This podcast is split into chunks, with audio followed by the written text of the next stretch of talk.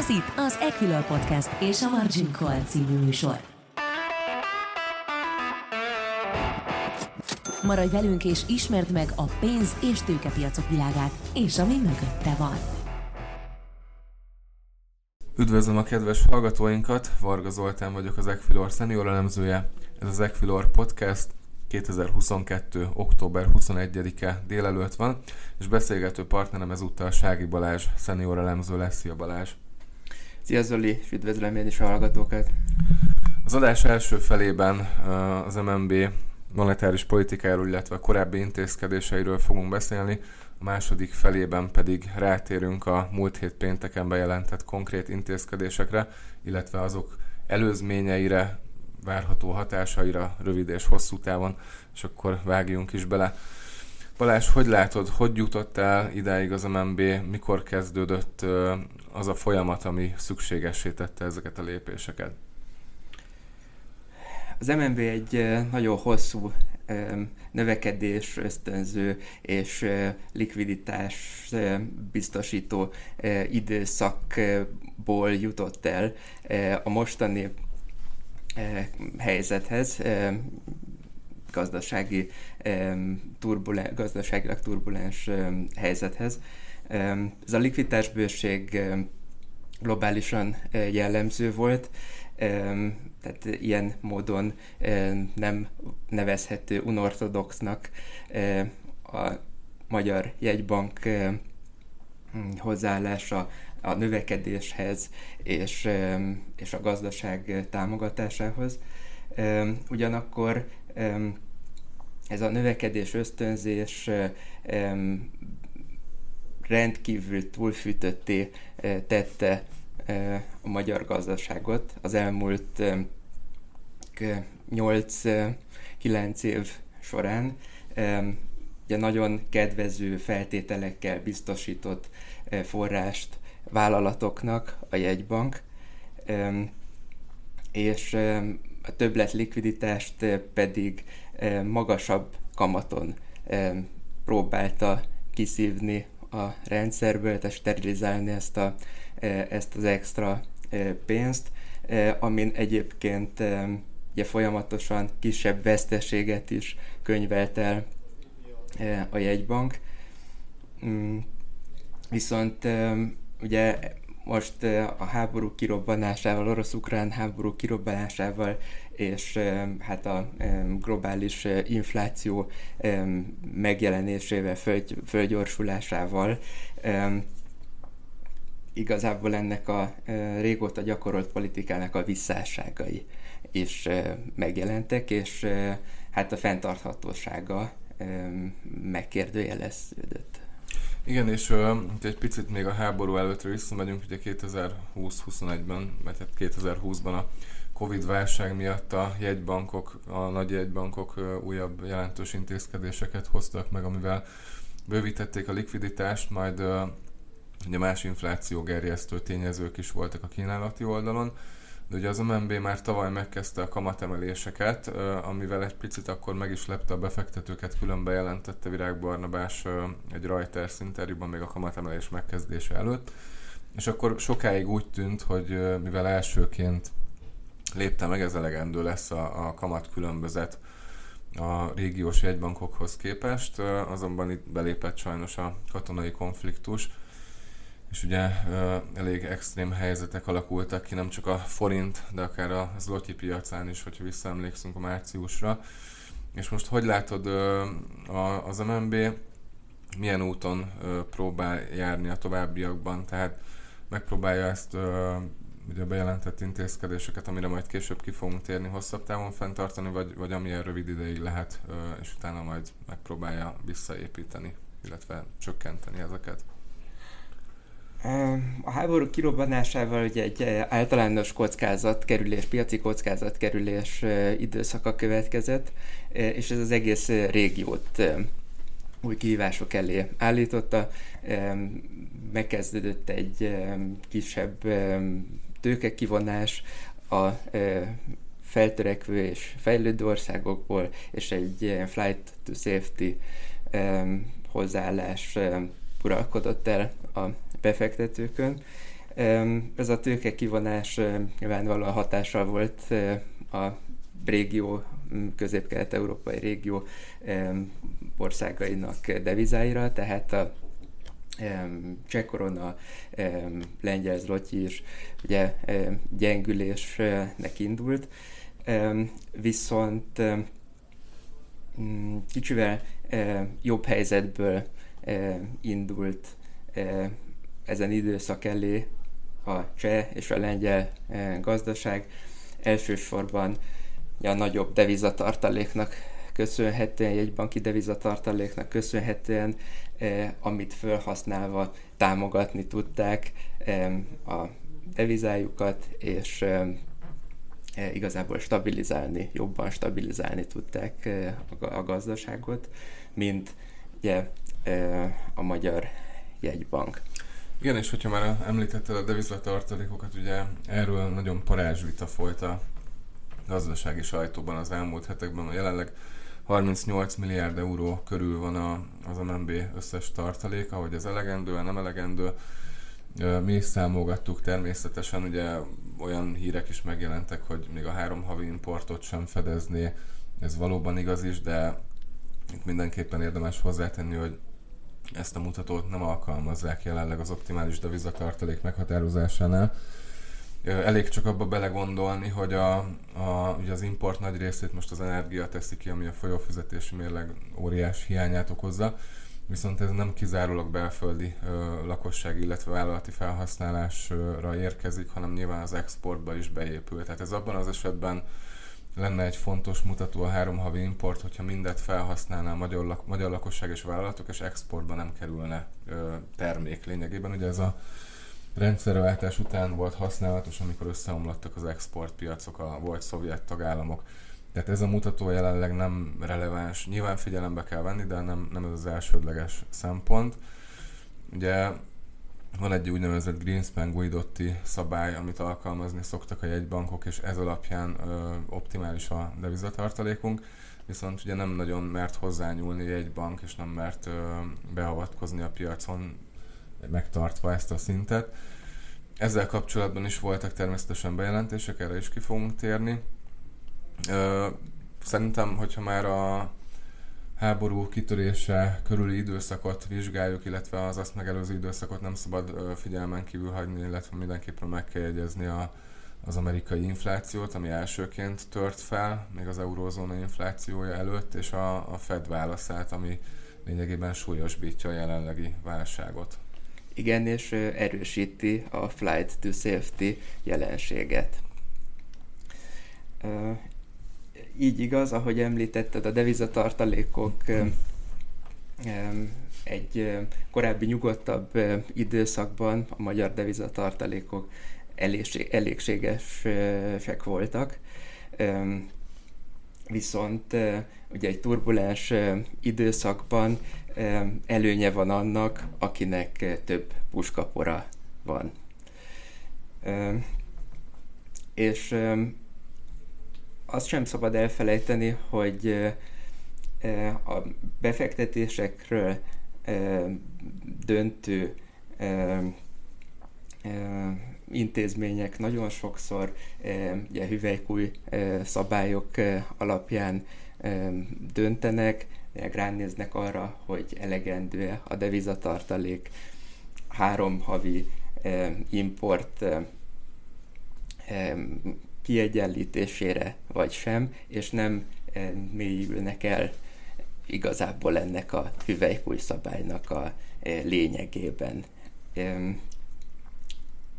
Igen, kérdőjelezhető eh, a Greenspan Guidotti szabály tartalma is. Ugye ez elsősorban nem nyitott konvertábilis devizával rendelkező országokra lett kitalálva, kidolgozva. Ugye ez azt jelenti, ahogy te is említetted,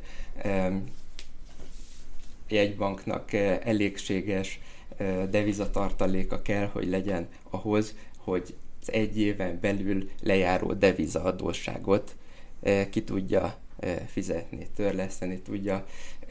De hát azért egy sokkal komplexebb, gyorsabban mozgó világban létezik, környezetben létezik most Magyarország, tehát nem csak a meglévő adósság kifizetése merülhet föl, hanem szabadon dönthet igazából bárki úgy, hogy eladja forintját és, és devizát vásárol, ami ugye deviza igény, többlet deviza igényt támaszt.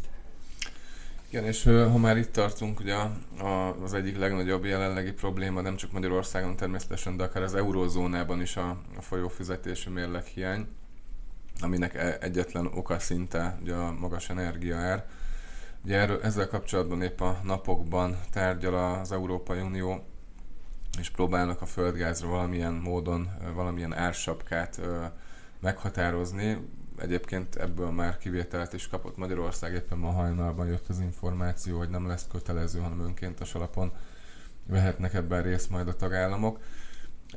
Az energiát leszámítva egyébként Magyarország folyófizetési mérlege nullás vagy többletes lenne, tehát ez, ez a probléma kellene, hogy megoldódjon. Nyilván ez egy külső probléma, egy külső ok, elsősorban a háború, az orosz-ukrán háború kitörése okozta, illetve már ugye tavaly láthattuk a, az energiaháborút, ami megelőzte a katonai konfliktust Oroszország és akkor ugye az Európai Unió tagállamai között, aminek a hatására a TTF földgáz már akkor 30-40 euróról 150 euróra felszágódott még a tavaly őszi hónapokban. Ugye ez valószínűleg nem fog rövid távon megoldódni, de mindenképpen ez lenne a kulcsa a probléma megoldásának, és amíg, amíg ez fennáll, addig az európai, illetve az eurózóna is komoly fizetési mérleg hiánya kell, hogy szembesüljön. Igen, egy jelentős cserearány romlást szenvedtünk el, ugye a megemelkedő mm, energia áraknak köszönhetően elsősorban. És hát most egy olyan helyzet alakult ki, hogy ikerdeficittel küzd Magyarország. Egy ilyen helyzetben. Ja, a jegybanknak szokatlan intézkedéseket kellett meghoznia.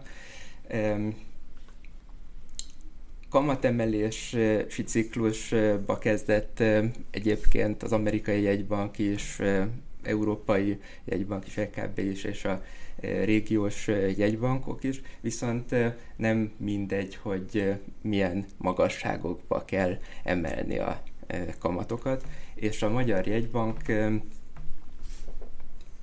a régiós társakkal összehasonlításban is kiemelkedően magas szintre kényszerült emelni a kamatokat. A jegybank szerette volna megállítani a kamatemelési ciklust, ők igazából már látják az alagút végét, azt mondják, látják az inflációs folyamatok lassulását, és emiatt döntöttek úgy, hogy bejelentik azt, hogy 13 on megállnak, és alternatív ilyen likviditás szűkítő eszközök használatával folytatják igazából a kamatkondíciók szűkítését és a monetáris szigorítást.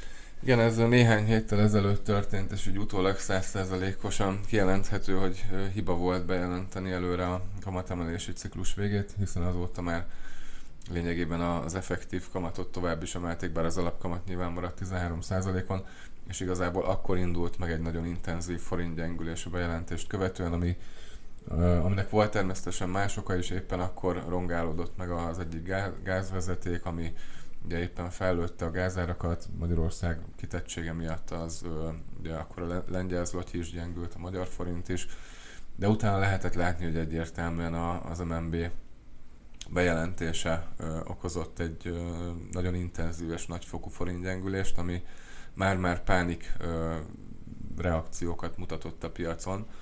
Ugye akkor már 430 fölé ment az euró árfolyama, és 450-et is elérte a dollárforint. Azóta szerencsére megnyugodott a forint árfolyam, ennek a okairól, illetve a várható következő hónapokban várható fejleményekről az adás második felében beszélünk, addig egy kis szünet. Maradj velünk! Ez a Margin Call, az Equilor pénzügyi kibeszélő podcast műsora. Üdvözlöm a kedves hallgatókat, ismét itt vagyunk az Equilor podcastben. Sági Balázs kollégámmal az MNB intézkedéseiről, forint kilátásairól, illetve a magyar gazdaságról beszélgetünk. Az adás második felében a múlt hét pénteken bejelentett jegybanki intézkedésekről, annak következményeiről, várható következményeiről, illetve szükségességéről, tehát a kiváltó okairól is fogunk beszélni. Balázs, három nagy bejelentés volt múlt hét pénteken, pontosan mik voltak ezek?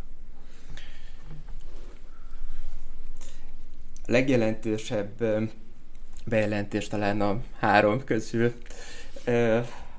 az egynapos, tehát overnight betéti tenderek meghirdetése, aminek kamata 18 százalék lett, tehát egy effektív, nagyon jelentős kamatemelést jelentett be a jegybank.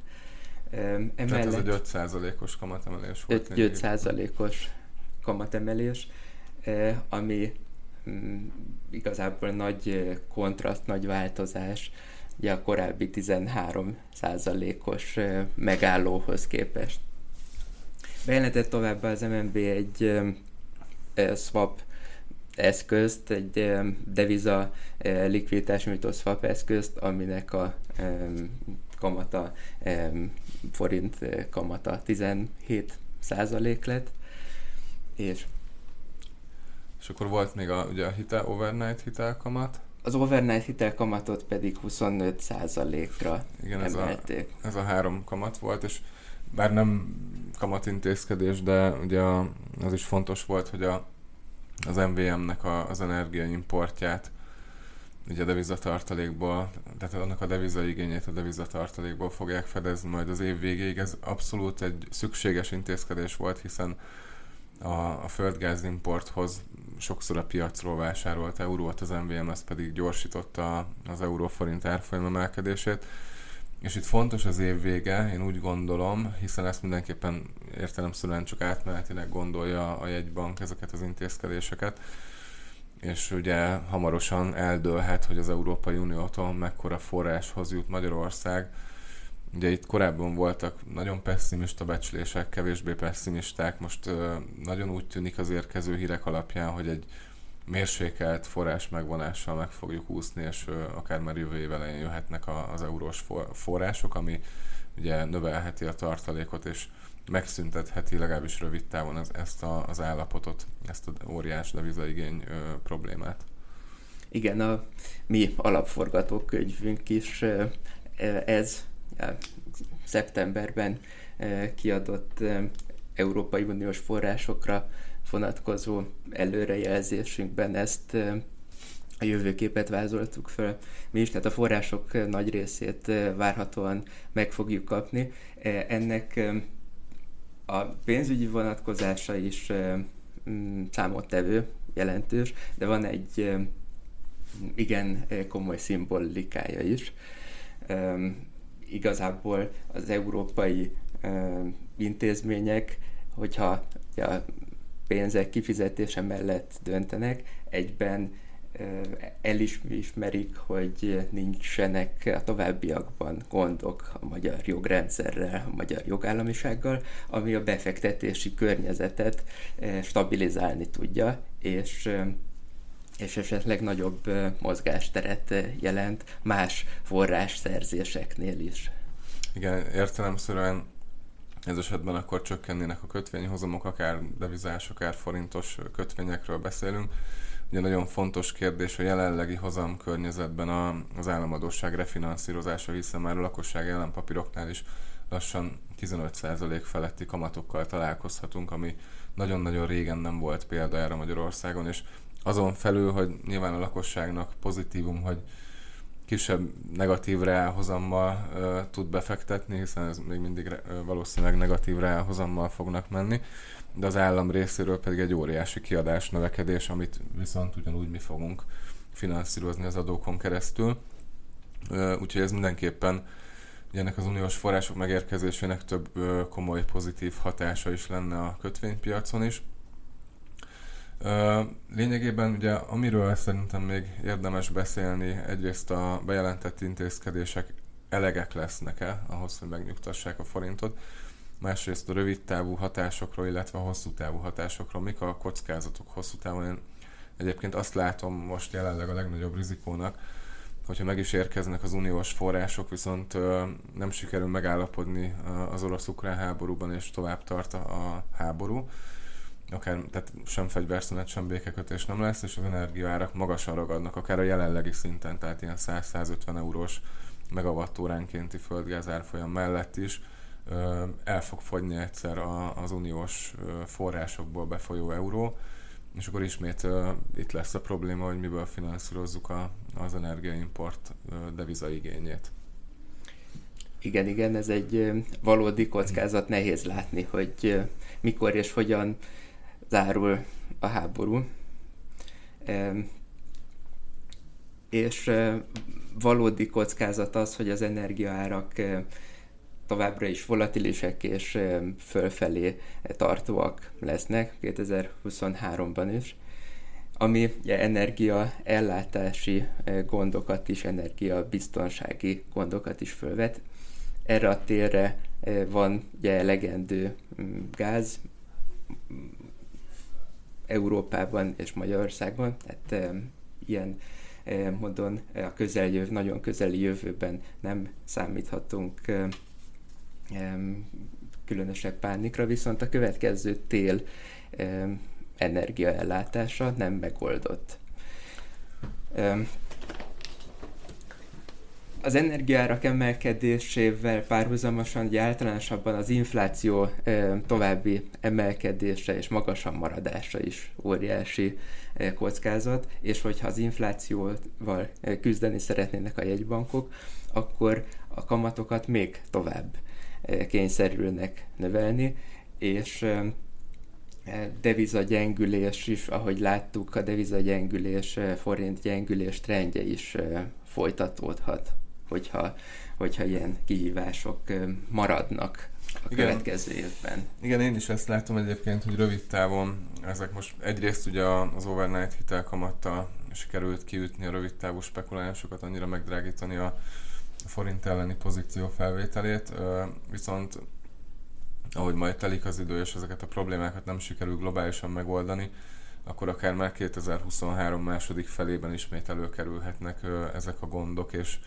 ismét leértékelődési nyomás alá kerülhet a forint, főleg, hogyha az Egyesült Államokban sem sikerül akár leküzdeni az inflációt, és ahogy a Fed is jelenleg várja egyébként, hogy a korábban mondottnál hosszabb ideig fenn kell tartani a 4-5 százalék közötti kamatot majd, ami persze a feltörekvő régió köztük Magyarországnak is egy nagyon-nagyon nehéz helyzetet fog eredményezni. És ugye magas kamatok lefolytják a növekedési potenciált, tehát egy ilyen abszolút negatív spirálba kerülhet a magyar gazdaság, és akár ez hosszan fenn is maradhat, tehát óriásiak a, a hosszú távú kockázatok, én is úgy látom viszont rövid távon egy picit talán fellélegezhetünk, mert nyilván a, a Fed lépései alapjában fogják a dollár továbbra is befolyásolni, de, de az euróhoz képest talán most a forint leértékelődési kockázata az mérséklődött, legalábbis az év végéig, és ahogy sikerülne megegyezni a, az Európai Bizottsággal, és kimondanák, hogy megkapjuk a forrást, akár 3-4 hónappal később nyilván az utalás az nem azonnal lesz, akkor uh, jöhet még egy forint erősödés. Egy, uh, én úgy gondolom, hogy az lesz az utolsó ilyen forint erősödés, nagyobb forint erősödési hullám, és ezt követően pedig egy ilyen lassú forint gyengülés indulhat majd ismét. Úgyhogy én azt látom egyébként, hogy a 2023-as év, hát természetesen nem csak Magyarországon, de az eurózónában is, és akár az Egyesült Államokban is nagyon nehéz lesz. Egy, ha nem is 2008-as mélységű válság, de de ahhoz közelítő válság is kialakulhat, és talán 2024-ben tudunk majd kilábalni ebből. Nyilván, hogyha sikerülne valami csoda folytán lezárni a háborút rövid időn belül, akkor ez, ez a forgatókönyv túl pessimista lenne, de, de sajnos erre nem látok túl nagy realitást jelenleg.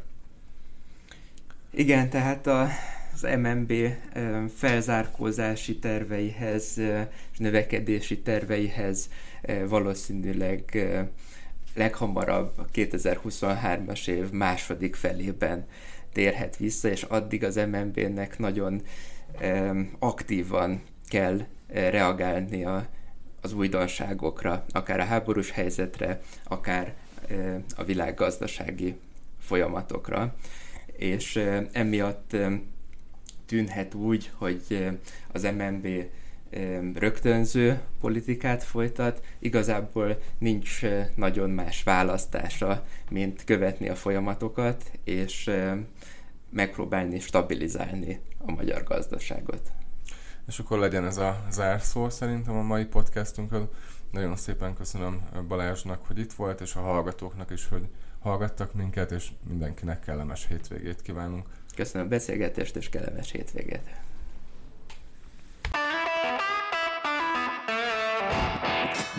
Ez volt a Margin Call, az Equilor pénzügyi kibeszélő podcast műsora. Ha tetszett az adás, iratkozz fel követőink közé, vagy honlapunkon hírlevelünkre, hogy elsőként értesülhess a legizgalmasabb tőzsdei sztorikról.